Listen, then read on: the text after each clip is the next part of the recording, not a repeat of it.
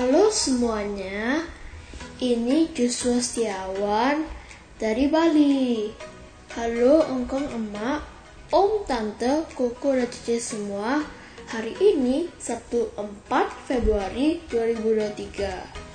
Kita akan mendengarkan Fresh Juice yang akan dibawakan oleh Romo Rudi Rakito Jati OMI dari Jakarta. Selamat mendengarkan ya.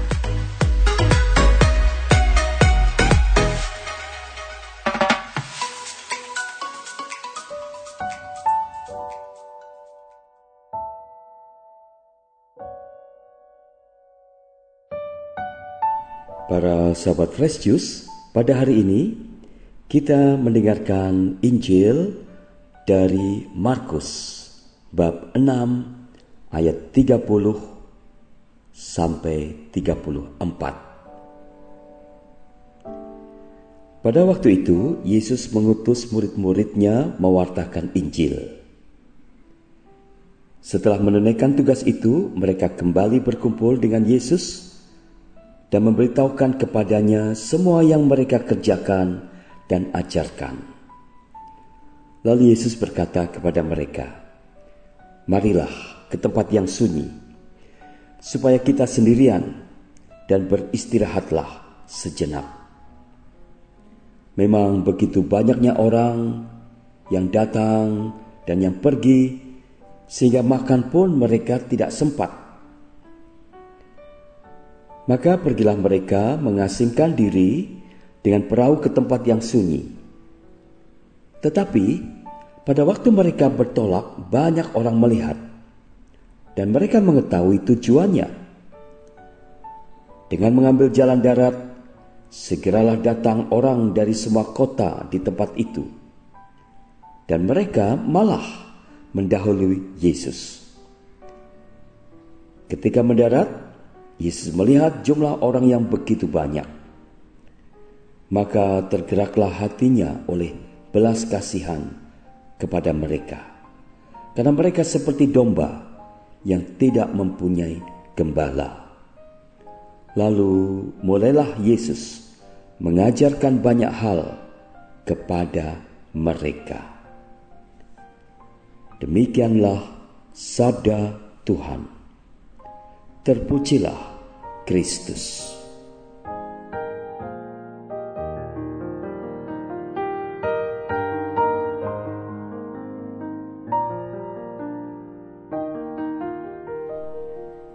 Para sahabat Fresh Juice,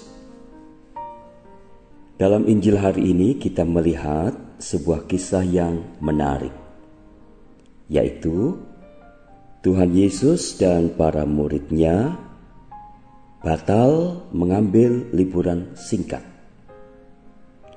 Mereka justru kemudian dalam tanda petik bekerja lagi untuk melayani orang-orang yang mengejar atau mencari mereka.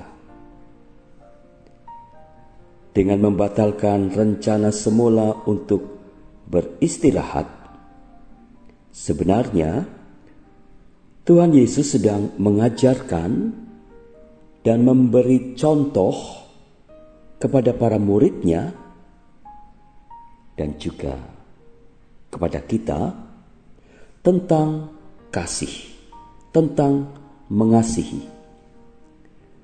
Kasih itu berarti mendahulukan kepentingan orang lain atau berkorban demi orang lain bukannya menomorsatukan kepentingan pribadi.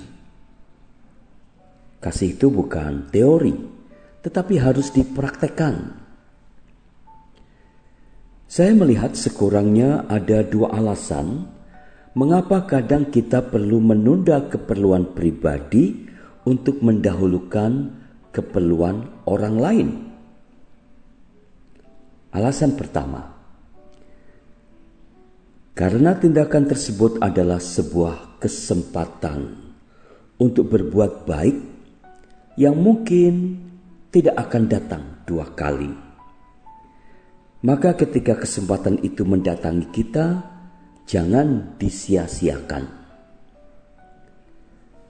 Selain itu, tindakan kasih yang dilakukan dalam situasi yang tidak mudah mempunyai bobot pengorbanan yang besar. Dan bobot ini adalah nilai plus bagi perbuatan baik kita itu. Alasan kedua, karena tindakan itu bisa menjadi tanda syukur dan tahu terima kasih kita kepada Tuhan dan sesama. Bisa saja selama ini ada orang lain yang berbuat baik kepada kita, sebetulnya juga mereka telah melupakan ego mereka demi kita. Dan kita tidak selalu tahu bahwa ada orang-orang yang melakukan suatu pengorbanan untuk kita. Saya yakin salah seorang yang sering melakukan tindakan kasih pengorbanan seperti itu adalah pasangan kita, orang tua kita, dan sahabat-sahabat baik di sekitar kita. Sebuah cerita sebagai pemanis renungan hari ini. Dalam sebuah pesta hari ulang tahun perkawinan Perak, seorang MC atau pembawa acara mengundang Pak Sutri, Andi, dan Diani untuk tampil ke podium.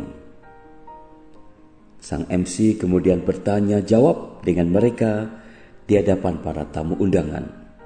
Sang MC mulai bertanya, Pak Andi dan Ibu Diani yang terkasih, kalau kami boleh tahu, apakah hal yang paling tidak Anda sukai dalam hidup perkawinan Anda selama 25 tahun ini.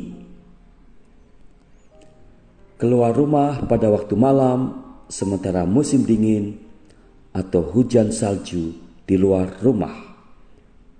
Jawab Bu Diani dengan serius.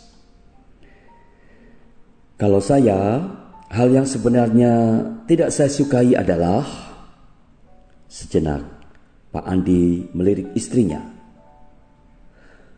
adalah menghabiskan tiga jam pada hari Sabtu hanya untuk shopping.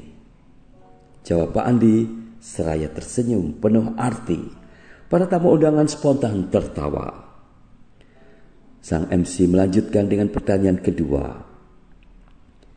Selama 25 tahun perkawinan Anda, apakah hal yang paling Anda syukuri mengenai pasangan Anda? Bu Diani menjawab dengan senyum tersipu-sipu. Selama 25 tahun, suami saya selalu menemani saya pergi shopping pada hari Sabtu. Beberapa tamu spontan bertepuk tangan. Berikutnya Pak Andi dengan suara keras bernada bangga berkata, Selama 25 tahun, istri saya ini selalu menemani saya pergi membeli bensin pada waktu malam, sekalipun di luar dingin atau salju sedang turun.